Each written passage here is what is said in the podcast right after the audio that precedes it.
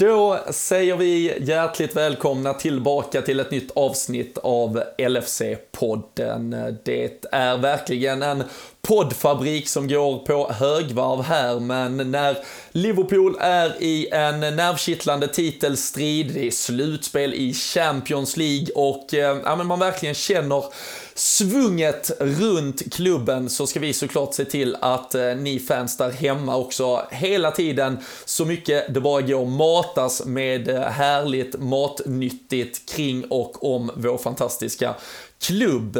Idag har vi en väldigt speciell gäst. Det var otroligt ärofyllt att få eh, besök. Det är Stefan Holm, friidrottaren, höjdhopparen med bragdguld, Jerringpris eh, och OS-guld, VM-guld, så det ja, räcker och blir över.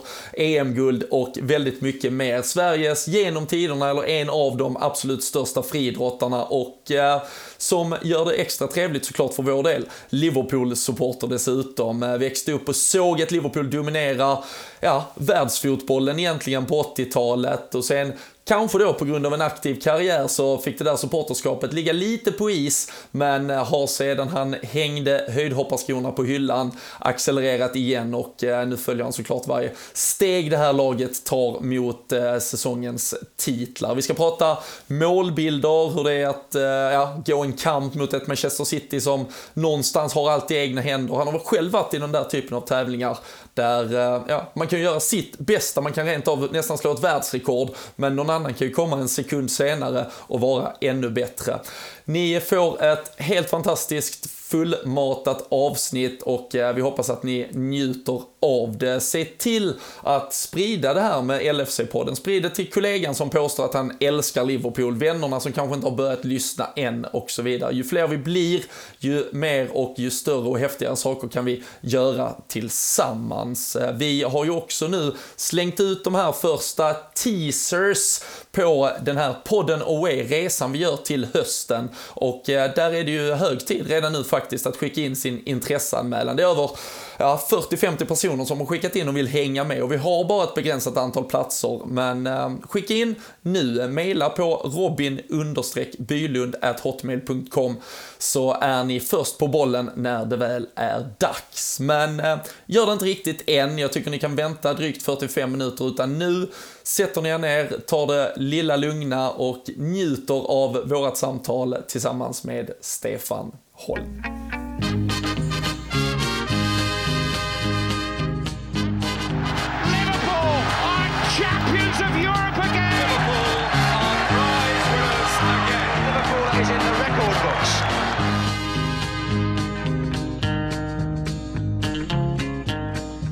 Jajamensan, då eh, sitter vi här och eh, har för första gången i eh, LFC-poddens historia fått besök och sällskap av en OS-guldmedaljör, en bragdguldsmedaljör, en Jerringpristagare. Det är såklart otroligt stort och eh, med extremt mycket glädje vi välkomnar eh, Stefan Holm till eh, LFC-podden. Väldigt kul att du kunde ställa upp på detta Stefan. Kul att få vara med. Ja, fantastiskt. och i det här sammanhanget ska vi såklart prata Framförallt ur um, utgångspunkten att du dessutom är Liverpool-supporter. Det är ju nästan viktigare än att man har massa medaljer, eller hur känner du? Ja, det är klart att det är. I alla fall nu när man har lagt av sig några år tillbaka. Um, fyller, uh, har det påverkat också liksom, uh, fyll, gick det att liksom vara supporter under sin aktiva karriär eller märker man att det blir något annat när man nu har lagt höjdhopparskorna på hyllan? Jag ska väl ärligt säga att jag var ganska bortkopplad från det mesta annan idrott de där åren. Jag var inte sådär jätte... Eh, så jag följde engelska ligan intensivt. Jag följde inte ens allsvenskan eller elitserien i hockey på den tiden heller så jättemycket. Då var det väldigt mycket fokus på min egen, min egen karriär bara. Så det är väl egentligen mer så här efter karriären men även innan karriären verkligen tog fart som jag hade mer fokus på, på andra idrottare och idrotter. Ja, ja, men vi ska ju vi ska eh, spola eh, tiden lite där och titta tillbaka på hur eh, det här ändå föddes en gång i tiden. Men jag satt här och jag gick ju igenom, jag skulle tänkte, men jag tar upp Wikipedia-listan på telefonen med alla dina titlar och medaljer och allt möjligt. Det, det märkte jag, det hade ju fyllt flera sidor så det gick knappt att hantera. Men du har dessutom, som har uppenbarligen varit viktigt för någon på Wikipedia att få med, även en titel i Sport Jeopardy som du har vunnit mot Arne Hegerfors bland annat och Glenn Hussein. Det är ju en Liverpool-koppling. Det här måste du ändå berätta lite mer om. Ja, det måste ha varit eh, 2001 tror jag jag var med. Jag var med faktiskt två gånger i Sport Jeopardy. Men jag tror det var 2001 som jag mötte bland annat Glenn då.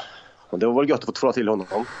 Gammal barndomshjälte och idol. Vi har ju träffats i andra sammanhang sen dess. Vi gjorde ju Superstars ihop bland annat i höstas också. Mm. Men eh, han är ju liksom, han är ju någonstans Mr Liverpool i Sverige. Precis. Vad, eh, fanns det någon, eh, föll han på någon snöplig fråga eller du krossade allt och alla där i tävlingen? Nej, då hade jag rätt bra flyt vill jag minnas faktiskt, så det var nog inte enskilda frågor. Eh, andra gången jag var med var det tuffare, därför att Niklas Gide som var med då var jävligt snabb på att trycka på knappen minns jag. Glenn var inte riktigt lika kvick. det, det, det, det, känns eh, som det, bara av att ha träffat han i andra sammanhang så är det kanske inte äh, det han äh, prioriterar alltid sådär. Men nej, fantastiskt och vi lägger ju till det då till en otrolig karriär som du själv då har haft på idrottsarenorna. Men eh, för att ändå skapa eh, någon form av förgrundshistoria till, till varför eh, du är med i LFC-podden så, så måste man ju såklart hitta hur den här kärleken till Liverpool uppstod. Och ja, idrottare har du uppenbarligen varit hela ditt liv men var fotbollen också en tidig del i livet? Ja, fotbollen var egentligen den första idrottsdelen av livet. Farsan spelade fotboll i Östra Deje i division 4, division 5, division 6 hemma i Värmland som det var då. Eh, och det var ju det var fotbollsproffs jag ville bli egentligen. Nu var jag inte direkt i närheten av att bli det. Så att, eh, men jag spelade mycket pojkfotboll och då var det ju på den tiden, jag född 76, uppväxt på 80-talet. Då var det ju tips extra som gällde. Mm. Och så var det ju en match i veckan. Och Liverpool var ju dominanter. Det var ju inget snack om det. De vann ju engelska ligan x antal gånger vann Europacupen som det hette på den tiden. Vann ju FA och ligacuper också så att det var ju det, det var då man föll för. Mm. Är det något, eh, kan du liksom plocka, något, har du någon tidigt eh, ögonblicksbild av eh, match eller mål eller någon spelare som fick det liksom att ändå ja, banka ner spiken där att det var Liverpool? Spe, spelare är nog Ian Rush väldigt mycket, han gjorde mycket mål på den tiden. Kenny Dalglish såklart, Bruce Grubbelar som målvakt. Farsan var ju målvakt och klart man fascineras som målvakt för den sakens skull. Men det var nog helheten tror jag. Jag vet att jag smågillade Aston Villa en kort period och sen Tottenham en kort period, även om jag själv sa Tottingham till dem. eh, men sen, jag vet första gången jag såg Liverpool på eh, Tipsextra, då var det Liverpool sen. Det var liksom inget snack. Och exakt varför, det vet jag inte, men förmodligen vann de väl en match och förmodligen gjorde de något snyggt mål och sen var man fast.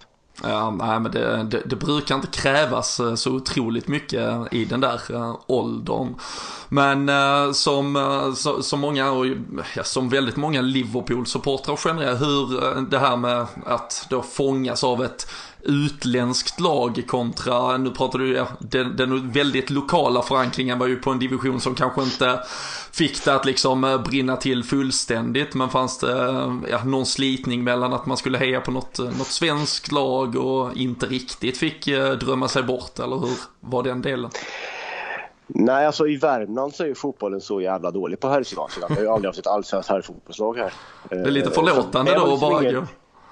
Ja, då, då var det ju IFK Göteborg istället liksom, som man höll på i Sverige. Och det fanns ju ingen konkurrens mot Liverpool så sett. Även om Blåvitt var jättestora på, på 80-talet också. Uh, men nej, jag upplevde aldrig att det var något problem egentligen. Utan eh, visst, det var Blåvitt i Sverige, det var Liverpool internationellt sett. Sen har jag liksom aldrig brytt mig om italiensk eller spansk fotboll. Jag har aldrig haft något favoritlag överhuvudtaget. Det har varit Liverpool internationellt bara. Ja, nej, det är ju tur eh, det, det är, det är vi eh, glada för. Eh, och när, när insåg du själv då att liksom, äh, fotboll, det blir det inte för din egen del?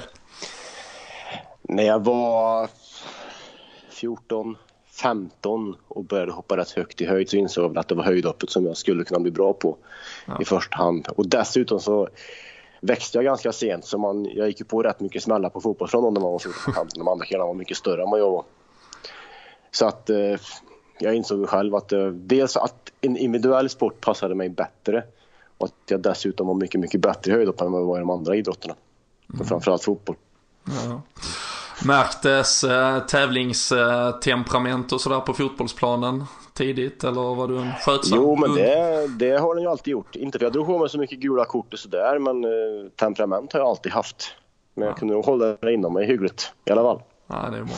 Du var ju, då var du visserligen ganska lid. Kunde du utnyttja någon eh, spänn? Var du en, eh, en huvudspelare av rang trots din eh, korta växt då?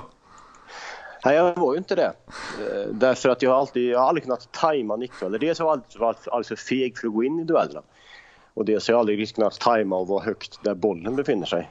Och det hjälper liksom inte om jag är högst då om jag inte är där bollen Däremot jag, när jag började spela fotboll sen efter höjdhoppskarriären 2009 igen, då var jag ganska snabb från friidrotten. Så det hade jag väldigt mycket nytta av.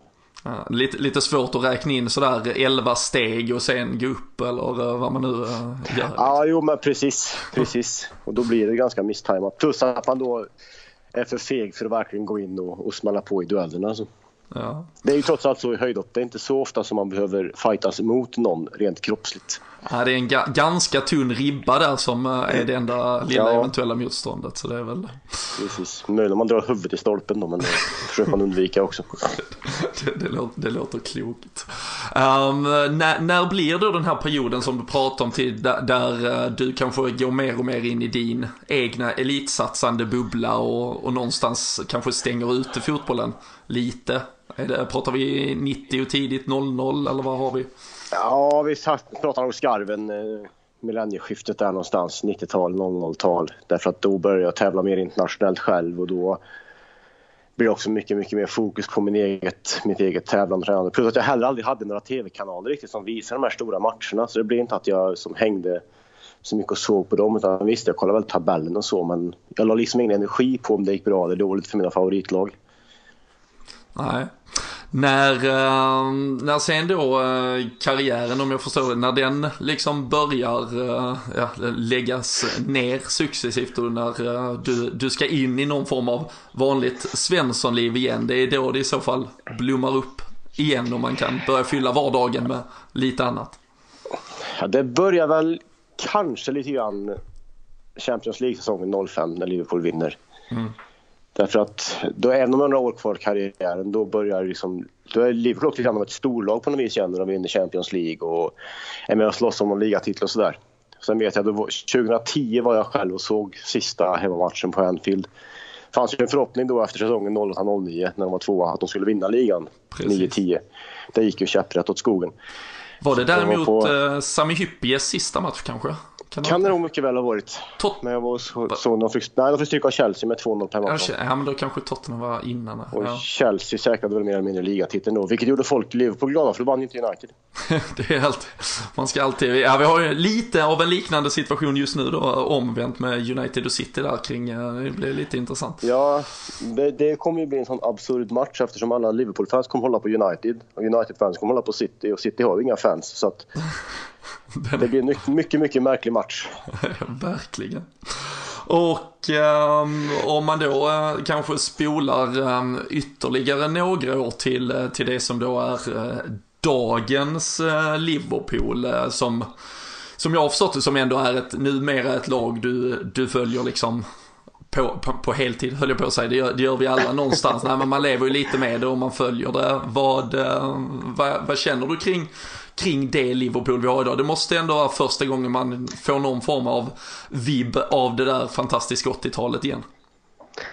Ja, vi var ju nära ligan eh, 09-10, äh, 8-9 och även 13-14 va? Mm. När eh, Gerard halkade. Men sen har ju drömmen har ju funnits där nu så länge. Alltså, när jag fyllde 14 år 1990 då tror jag Liverpool hade vunnit ligan åtta gånger under min livstid. Mm. Sen har de inte vunnit den alls. Det är klart att det är ju titeln, det är ju den ligatiteln som man verkligen drömmer om som det snackas om bland polarna och sådär. Men det här årets lag, alltså ja, de är underbara.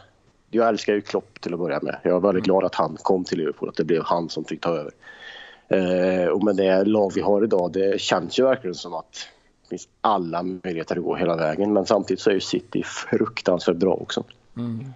Ja, vi, ska, vi ska prata väldigt mycket mer om det där och just eh, den, den titelkamp som nu eh, kvarstår här. Men Klopp äh, nämner du, du hyllar honom. Du har ju själv äh, under din aktiva år såklart omgett dig av bra tränare. Vad, med, med dina ord när du ska liksom förklara och titta efter bra ledarskap och vad är det du kan se i Klopp som du själv har kanske sprungit på och sett hos andra bra och framgångsrika ledare som, som är skillnaden mot den som ändå kanske inte riktigt når hela vägen? Ja, men Klopp är ju så otroligt engagerad i det han gör. Han, eh, han älskar ju sitt jobb helt uppenbart. Och han älskar ju att driva på och mana på sina spelare.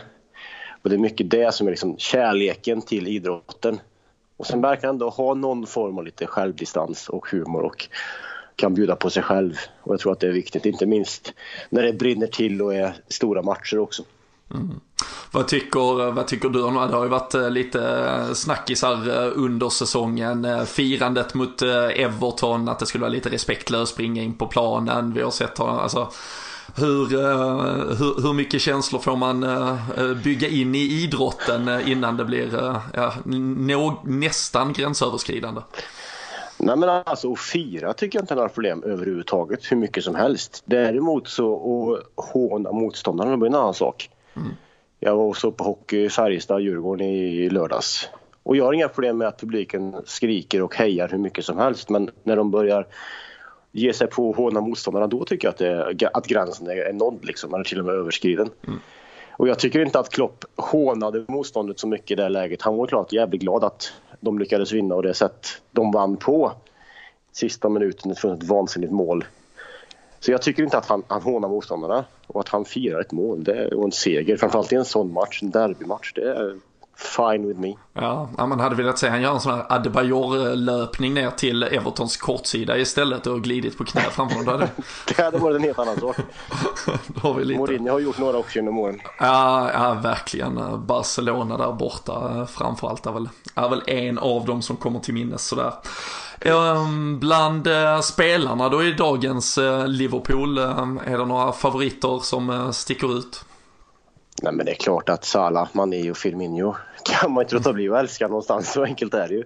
Mm. Även van Dijk såklart. Jag menar att det köpet var oerhört viktigt. Och eh, stärka upp backlinjen och framförallt få en trygghet bakåt. Som gör att man också kan släppa lite mer framåt. Mm. Är där uh, någon spelare som, uh, som hade kunnat omskolas till någon friidrottare, tror du? Man pratar ju ofta om hur snabba fotbollsspelare är. Mm. Problemet är att de springer väldigt sällan 100 meter i maxfart. Och framförallt inte rakt fram. Eh, så jag vet inte, det är svårt att säga. Men det är klart att man är kvick och Salah är kvick. Men om de sen skulle kunna göra sig på 60 eller 100 meter, det är en helt annan sak. Eh, Milner, Men att de är... Milner hade kunnat bli maratonlöpare kanske? Ja, diskuskastare eller boxare också förmodligen. Men, ja. Eh, nej, det är klart att alla är ju jävligt atletiska, annars spelar du inte fotboll på den nivån. Sen är det ju olika typer av, eh, vad ska man säga, nu tappar jag ordet fullständigt. Men det är olika typer av man säger, preferenser, vad man behöver som friidrottare kontra fotbollsspelare. Mm. Framförallt springer man på väldigt olika sätt som fotbollsspelare mot vad en eh, sprinter gör. Ja. Vad gav du det för eh, sannolikhet att eh, Usain Bolts eh, fotbollskarriär skulle ta fart? Väldigt, väldigt, väldigt låg sannolikhet faktiskt. För att eh, det är en sak att vara snabb, det är en annan sak att hantera bollen i den hastigheten. Ja. Plus att fotbollsspelare springer ofta med väldigt låg tyngdpunkt. Friidrottare springer med en hög tyngdpunkt vilket gör att man är väldigt lätt att välta över ända när man springer. Mm. Och det är otroligt svårt att kontrollera saker och ting. Det är klart att du kan peta och sticka med bollen och springa ifrån folk men du ska få in den i mål också i slutändan. Ja, det känns ju lite som eh, offside-linjer och lite annat att det, det liksom fördelen du eventuellt har där blir ju ja, du, du, kan ju inte liksom utnyttja en 100 meters fördel direkt och, och springa ifrån med, med, två sekunder utan det krävs lite Nej. andra yttre omständigheter. Det gör faktiskt det. Det handlar också mycket om att tajma och sticka i rätt ögonblick och så vidare. Mm. Men det var kul att han försökte. Precis. Han klarade sig ungefär lika bra där som jag tror Ronaldo skulle göra ett 100 meterslopp om vi säger så. Ja, där är ju ändå en sån här typ, alltså den, den diskussionen kommer väl ibland upp på någorlunda seriös med tanke på att han vill ändå få se som det mest eh, fysiska fulländade exemplaret i, eh, i fotbollsvärlden. Men eh, inte ens där ger du den någon större sannolikhet. Ja, det, fi det, finns ett väldigt bra klipp på Youtube där de jämför Ronaldo med en spansk sprinter, heter Angel Rodriguez tror jag. Och de springer 30 meter rakt fram och Rodriguez krossar honom fullständigt. Och då är han inte, han är ju ingen världslöpare. Han gör ju inte ens under 10 blank på 100 meter. Eh, och sen springer de zigzag samma sträcka. Och då vinner ju Ronaldo hur lätt som helst, därför att det är det han är bra på. Mm. Men en, 100, en, en fotbollsspelare springer ju aldrig i maxfart i 100 meter, det måste man komma ihåg. Ja, nej men såklart och eh, som du säger, det är för många andra omständigheter eh, kring det. Så eh, ja, vi är väl glada att framförallt Liverpool-spelarna valde fotbollen då helt enkelt. Och, de det känns så. Det känns de, där, så. de där tre där framme finns det ju all anledning att, som säger, förälskas i. Och och eh, när vi sitter här nu eh, onsdag så eh, har Liverpool då eh, lite programenligt eh, tagit en, en första seger av två i eh, Champions Leagues kvartsfinal. Vi inledde ju förra gången det begav sig mot just Porto. Då var det åttondelsfinal förra året. Då åkte vi ner till eh, Porto och vann med 5-0 borta. Nu blev det 2-0 hemma, men det var också ett lite mer lugnt, metodiskt samlat Liverpool som dessutom kunde byta av Mané och Firmino i slutet av matchen. Få lite andrum.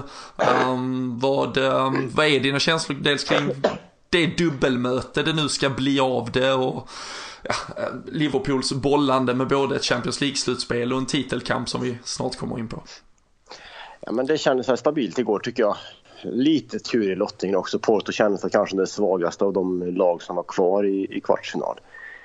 Eh, så så sätt så känns det väl lugnt och tryggt och stabilt och skönt att ändå få vinna. Inga skador igår, inga varningar. Inge, ja, som du säger också, man, vi bytte av några spelare längs vägen så det kändes ganska lugnt. Och nu är det Porto borta nästa vecka borde kunna ordna sig. Precis. Eh, och jag menar, City har ju ännu fler matcher att spela. Dessutom tuffare motstånd nu då mot eh, Tottenham. Och det är skönt att se att Tottenham kan slå City med tanke på att de snart möts i ligan. Ja, nej men verkligen. Jag tror eh, det var väl åtminstone kanske inte att man eh, slog över, eh, men att man höll nästan lika mycket koll på den. För även om just resultatet där inte hade någon direkt inverkan så gav det ju både föraningar om vad som eventuellt kan, kan ske konkret då i ligamötet, men också hur City nu måste lite fördela energin. Eh, nu har de ju en bortamatch mot Crystal Palace till helgen där de samtidigt måste ha då returmötet mot Tottenham i beaktning som kommer ett par dagar senare. Sen möter de ju Tottenham igen då i ligaspelet så psykologiskt viktigt här för Tottenham att de vet att de kan störa City även om eh, de också fick lite skador där då på Harry Kane framförallt så vi får väl se hur allvarligt det blir. Eh, men um, hur tycker du där och vad tror du? Nu är det ju, det är ju bara maximalt liksom en en, 7-8 matcher kvar även om Liverpool skulle gå hela vägen i Champions League. Men kan man, eh, tror du att Liverpool med i stort, det blir ju i stort sett samma startelva till 90% av de här kvarvarande matcherna. Orkar man gå för både Champions League och Premier League? Ja, någonstans så skulle man ju känna, visste jag 100% säkert att vi skulle vinna ligan då hade jag ju kunnat lägga sig mot Porto och torska med 3-0 på. Så hade inte gjort mig någonting överhuvudtaget. Nej. Det kände jag redan i, i åttondelen mot Bayern München att jag kan ta en förlust där om jag vet att vi vinner ligan. Nu vet jag ju inte det, så att nu kan jag inte säga så. Men det känns ändå som att Ja, men som igår, nu kunde de ändå säkra en seger hyggligt tidigt, byta av några spelare och få vila dem en stund. Så kan man bara hitta det i några av ligamatcherna också. Det är ju ändå några sämre lag efter Chelsea här nu i helgen och det känns som, som matcher som bör kunna vinnas och säkras relativt tidigt i matchen. Och då bör de ju kunna orka hålla ihop det hela vägen. Om de inte får några skador såklart, det är ju mycket det också. Mm, ja, det är ju just kanske då eh, bredden eller ja, den, den, den lite mm, sämre bredden än just Manchester City eh, är väl det som eventuellt skulle kunna ligga i fatet om något händer. Och sen eh, såklart, vi ska fortfarande komma ihåg att Manchester City har ligaspelet i egna händer så länge de gör sitt jobb. Men som du sa där så är det Chelsea som väntar för vår del hemma nu här på söndag och sen så har vi då Cardiff borta, vi har Huddersfield hemma, Newcastle borta, Wolverhampton hemma. Um, två lag i Cardiff och Huddersfield. Eh, det ena är ute, Huddersfield, Cardiff kan eventuellt nästan vara det när vi möter dem. Och sen Newcastle och Wolves som är lite ja, någonstans i ingenmansland. Ehm, det är väl, på pappret kan det väl inte bli mycket eh, bättre för Liverpools del så sett. Nej, det känns väl så att eh, tar vi Chelsea i helgen så ligger vi väldigt bra till. Utifrån då att, att City tappar någonstans längs väg. Men de har ett lite, lite tuffare schema kvar. De har både Tottenham och United kvar att möta. Så att någonstans bör det kunna hacka i maskineriet där också kan man tycka. Mm. Sen är det ju som sagt då Crystal Palace borta för dem nu till helgen. Sen har de även, de avslutar Burnley borta, Leicester hemma, Brighton borta. Det, man får väl ändå ge det någon form av eh, kategorisering eh, lite svårare än vårat. En match mer är det ju dessutom som krävs då för dem att vinna. Plus en, en cupfinal och Champions League-spel därutöver. Så att de har ju en del att spela på dem också.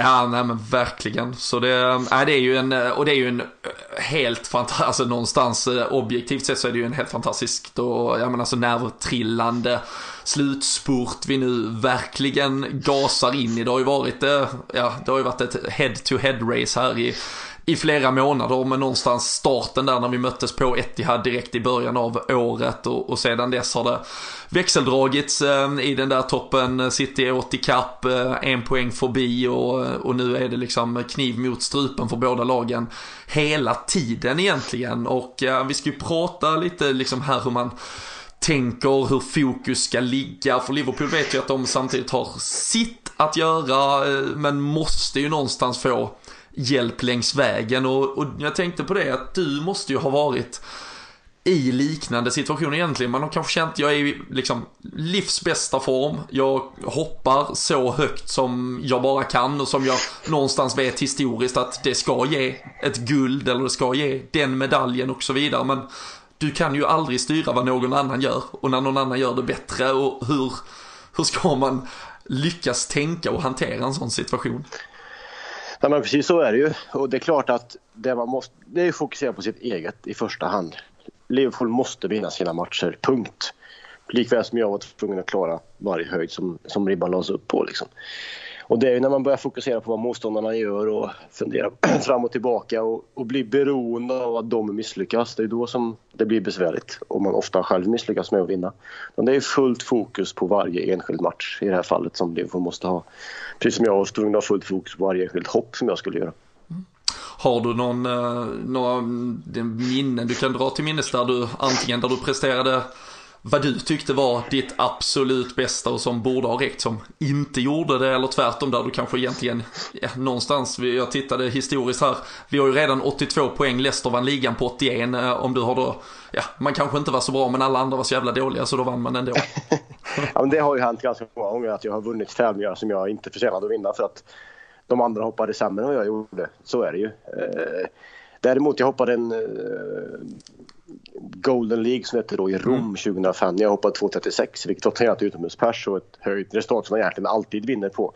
Då var det en eh, kille från Ukraina som gjorde 2.38. Han har gjort 2.25 veckan före, gjorde 2.25 veckan efter. Men just där och då, just den kvällen, så fick han på hela skiten, gjorde 2.38.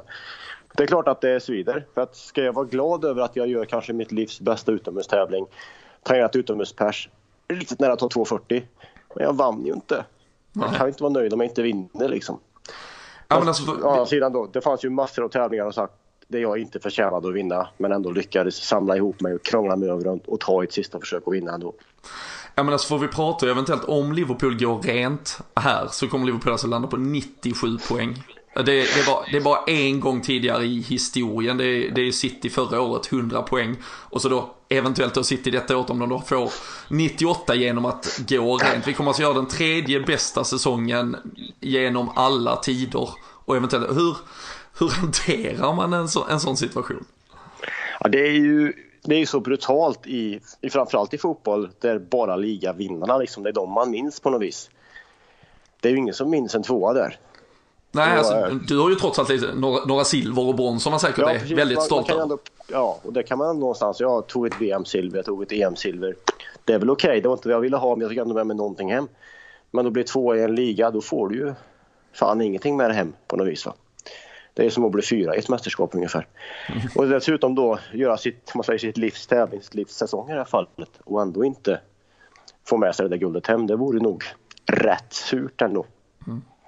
Hur, ehm, hur ska, nu, nu ska vi ju inte, vi ska återigen, vi, vi ska prata lite visualisering och det här är ju helt fel visualisering i så fall. Men, men om ett sånt scenario skulle liksom vara, jag kan ju bara, alltså någonstans måste, jag tror att, jag tror Liverpool och jag tror Liverpool, eh, även om vi kommer vara knäckta så vet jag att vi har en supporterskara som kommer vara så otroligt stolta. Det kommer vara ett Anfield som står och liksom applåderar av det här laget av banan. Men vad, vad blir nycklarna i att någonstans, alltså fånga spelarna i att vi måste ta ny kraft, vi ska göra det igen nästa. Så, alltså det är ju verkligen ja, om du skulle hoppa världsrekord och så hoppet efter så kommer det någon dum jävla ryss och hoppar två centimeter högre liksom.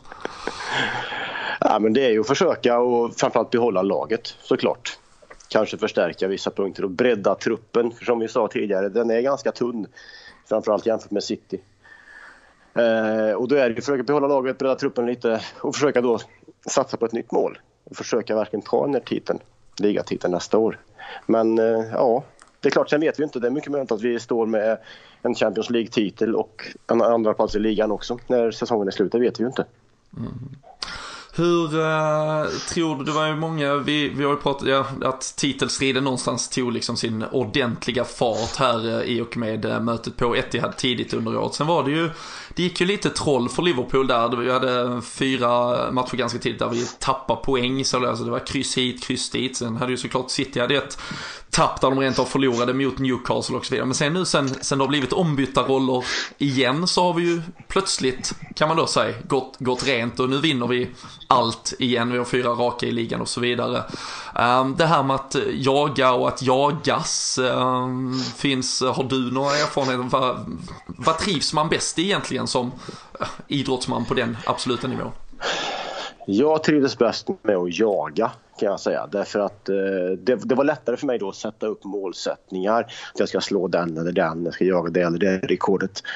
Eh, som fotbollslag vet jag inte riktigt. Men de är ju, det är ju en rätt fascinerande situation nu i och med att City har en hängmatch. Mm.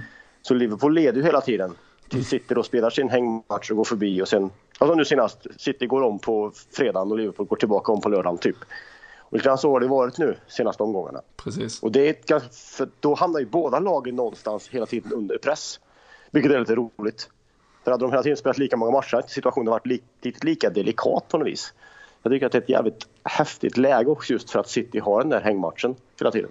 Ja, och, eh, och som sagt att, att den är mot Manchester United ger ju eh, en otrolig krydda eh, till det. Och det var ju lite så faktiskt om, eh, om folkmiljö, fast, fast i omvänt läge för Liverpool. För om man minns 13-14 eh, och det brukar cirkulera sådana här print screens på tabellen och sådär. För då ledde vi ju egentligen då ligan med typ 9 poäng när det var 3-4 matcher kvar. Men då hade ju egentligen ja. City typ 6 alltså de hade ju, då hade de två eller tre matcher så att säga mindre spelade. Um, och det kan ju också varit en lite, ja men för mig, alltså det, det kan ju ha gett en falsk trygghet. Alltså tittar man på tabellen så såg det ut som att ja, men vi leder ju ligan enormt stort och så vidare. Så det är ju ja. ett, ett jäkla ja, psykologiskt spel. Och det, och, det, och det, kan störa mig lite när folk säger att nu leder Liverpool ligan. För i min värld gör vi inte riktigt Nej. det. Just för att City har den här hängmatchen. Man måste ändå räkna in att City tar tre poäng till och då är de en poäng före igen. Så att City måste fortfarande tappa poäng någonstans längs vägen och därför måste Liverpool hela tiden försöka gå rent och vinna varje match. Då måste det vara fokus på varenda jävla spark i varje match fram tills ligan är slut. Mm. Hur, eh, hur mycket tror du, hur mycket eh, tycker du? Som du var inne på, man ska ju såklart fokusera på sitt eget. Men eh, ja, nu är det Crystal Palace till exempel på söndag och vi, där finns säkert många liksom, ja, liknande scenarier längs vägen. Då spelar ju City först mot Crystal Palace um, och sen Liverpool-Chelsea direkt efter. Um, ska spela, ska man liksom hålla koll i omklädningsrummet uh, vad som händer där? Alltså, nu, I dagens värld går det ju knappt att undgå det här, det kommer ju spridas på läktaren och så vidare. Men liksom Liksom, går, går det att koppla bort det och ska man koppla bort det helt eller var ska den balansen ligga? Nej men alla, alla spelare kommer ändå veta. Så att det är liksom ingenting att försöka och, och mörka eller krångla med utan jag tror att alla ändå vet. Och jag menar, hade matchen spelats dagen innan så hade du vetat också.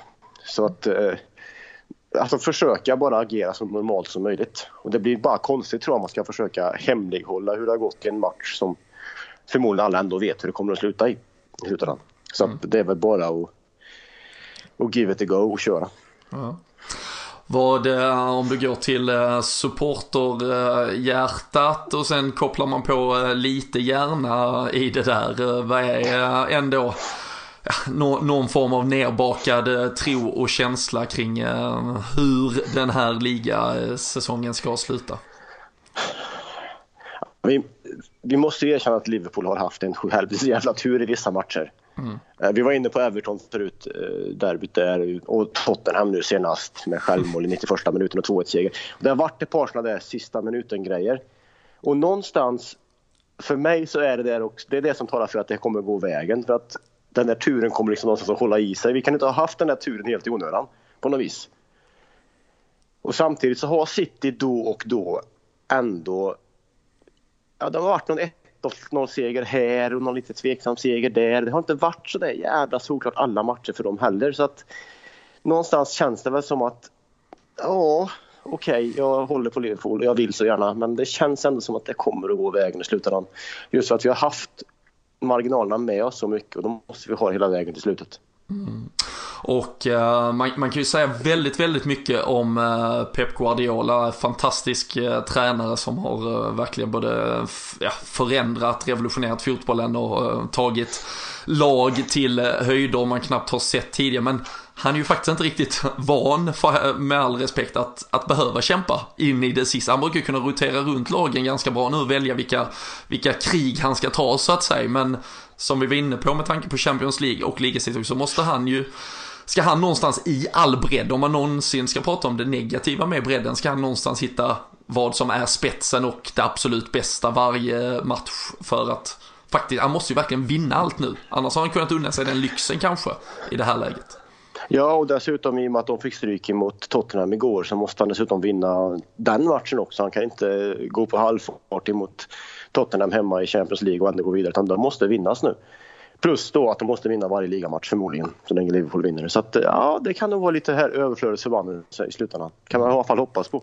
Ja, precis.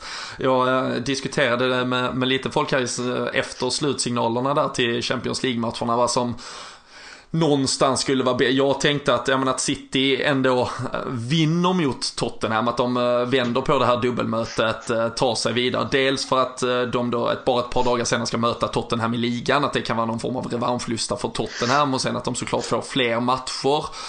Men ett, ett uttåg ur Champions League skulle ju också i den andra vågskålen innebär att, eh, ja faktiskt monumentalt ändå misslyckande för Pep Guardiola återigen i Champions League. Um, om du resonerar kring de två scenarierna att de går vidare, att de pumpar på eller att de, ja, men att de får sig en rejäl törn. Skulle det kunna vara det som knäcker ett lag istället? Ja, jag tycker du sammanfattade väldigt bra faktiskt. Det, det, är nog svårt att veta och det är lite grann antingen eller. På ett sätt, ja det är bra om de hänger kvar därför att då blir det två tuffa semifinaler också. Som faktiskt mycket väl skulle bli, kunna bli mot Liverpool till råga på allt jävla elände. För att spetsa det ytterligare. Men å andra sidan, momentum kan försvinna lite om de faktiskt får stryk och åker ut mot Tottenham och sen ska möta Tottenham bara tre dagar senare igen i ligan. Så att, det är så, aj, det Jag vet det, inte om det är pest eller kolera eller det omvända där. Det är kanske bra, bra eller jättebra, jag vet inte.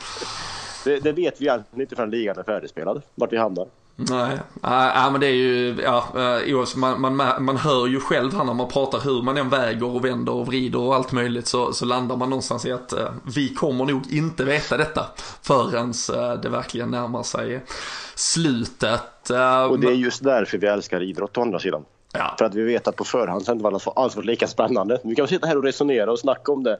Men vi kommer ha facit om eh, en och en halv månad ungefär. Ja, men verkligen så, så är det ju. Det, det märker vi. vi. Vi sitter liksom, ibland sitter man bara några timmar innan match och så engagerar man sig liksom i, ja, men i flera timmar för att prata om vilka spelare som ska starta när man egentligen får det svart på vitt om ja, någon, någon timme senare och så vidare. Liksom. Men nej, fotboll, idrott eh, generellt, eh, det engagerade skapar en eh, otrolig stämning. och som Liverpool-supporter nu så, så är det ju eh, helt eh, fantastiskt. Eh, Chelsea-matchen, vi brukar ju, vi kör eh, lite tipstävlingar på Twitter, vi brukar slänga in lite roliga eh, priser i potten och så vidare. Det här avsnittet kommer ändå ut innan vi möter Chelsea, så eh, där får du eh, försöka ba, ba, liksom banta ner till någon form av expertis och eh, tippa och tro vad du det känns ju ändå som att eh, Liverpool de senaste åren har spelat bra mot bra lag och Chelsea är ett bra lag även om de inte har pikat i år direkt. Så det känns ju som att det är en match som vi bör kunna få ihop och vinna.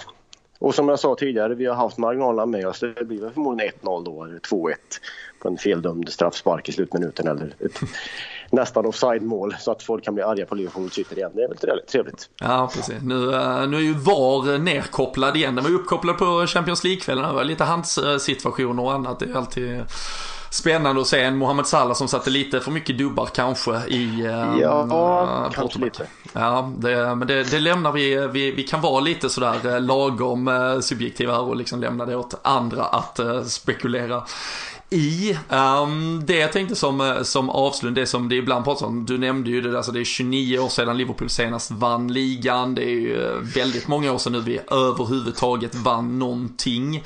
Um, hur viktigt det är det är just att, att ändå få sin första vinn. Vi pratar ibland, Naby Keita gjorde sitt första mål mot Southampton. Han gjorde sitt andra mot Porto tre dagar senare, eller fyra dagar senare. Uh, att Liverpool skulle ta en titel nu? Är det det som någonstans skulle sätta den slutgiltiga farten på det som Klopp håller på att ställa till med här i Liverpool? Ja, ligatiteln tror jag skulle, skulle vara det faktiskt. Champions League-titeln kanske, den tog vi ändå 2005 och den känns hyggligt färsk i minnet fortfarande. Men en ligatitel tror jag skulle betyda väldigt, väldigt mycket. Inte minst för Klopp att äntligen få en stor titel på det sättet. Men också naturligtvis för föreningen för att det är länge sedan sist. Eh, så att ja, jag tror att det skulle kunna betyda jävligt mycket för Liverpool de kommande åren att få en titel nu, framförallt ligatiteln. Mm. Det är ju många som eh, då pekar också på att nej, men ni, ni har inte vunnit något och så vidare. Det finns ju däremot väldigt mycket spelare faktiskt, ska man komma ihåg, i laget numera som har vunnit ligan på andra håll. Eh, hur, hur viktig, alltså hur viktig roll tror du den typen av spelare spelar? Att liksom, ja men någonstans, det blir ju den här visualiseringen, det, det, det blir något konkret av att ja, men stå överst och så vidare. Är det, är det svårt? Du måste ju varit, innan man tar sitt första guld, man vet ju inte vad det är att ta sitt första guld. Um, är det svårt att se hela vägen dit innan man har varit där första gången? Jo men precis så är det faktiskt. Och det jag tror att det är viktigt som du säger att det finns spelare i lag som har tagit titlar tidigare och vunnit ligor tidigare. Därför att någonstans så vet de att det går. Och jag brukar jämföra det med när Kajsa Bergqvist vann inomhus-EM i Gant 2000. Då visade hon för mig att det gick. Mm. Därför att det var någon som jag hade känt i tio års tid och hoppat med på juniornivå och ungdomsnivå och gjort massa landskamper ihop med. Och nu vann hon. Och så kände jag, kan hon så måste jag också kunna någonstans. Mm. Och sen fick jag vinna inomhus-VM ett år senare och det var också ett bevis för mig själv att jag kunde klara av det. Och sen blev det ytterligare ett par titlar efter det. Men jag tror att det är ett stort steg att ta och se sig själv stå där uppe och få vinna för första gången. Och veta att fan jag klarar av det här. Och har jag gjort det en gång då kan jag faktiskt göra det en gång till. Mm. Nej, det är fantastiskt. Jag tycker jag, jag, jag sitter nu lite rysningar. Det blir någon form av kombination av att faktiskt själv visualisera sig en, en, en, ligatitel, en pokal som lyfts på Anfield och så eh, lite av eh, svensk idrottshistoria i sina vingslag här också. Så det, jag tror det får bli eh, slutklämmen och avslutningen här på, på dagens avsnitt. Och uh, otroligt stort tack uh, för att du kunde vara med Stefan. Jag uh, hoppas att alla lyssnare där hemma tyckte det här gav en, en ny dimension, något nytt i förhållande till det vi gör annars. Och så, ja men tack och man kan väl följa dig på Twitter och så vidare. Vet jag att det brukar vara lite Liverpool-snack kombinerat med ja, allt möjligt annat. Ja, på både Twitter och Instagram och lägger upp lite Liverpool-grejer här och var. Inte minst i lego, för att det är roligt. ja, men precis. Så får man bläddra i din eh, legobok med alla möjliga häftiga sportögonblick och så vidare. Men, äh, men stort tack och äh, ja, vi tillsammans på våra olika håll så får vi väl hoppas att vi jobbar fram ett, ett guld till Liverpool här nu så får vi prata kanske igen då om hur de ska ta sig vidare från det och bygga vidare på den där första medaljen när det väl är dags. Precis, det är nästa steg och sen kunna utvecklas från när man, när man är nummer ett också och hålla sig kvar där uppe så länge som möjligt. Så, så är det. Stort tack Stefan och eh, tack stort själv. tack till alla som eh, har lyssnat. Eh, ha det så bra så länge så hörs vi snart igen.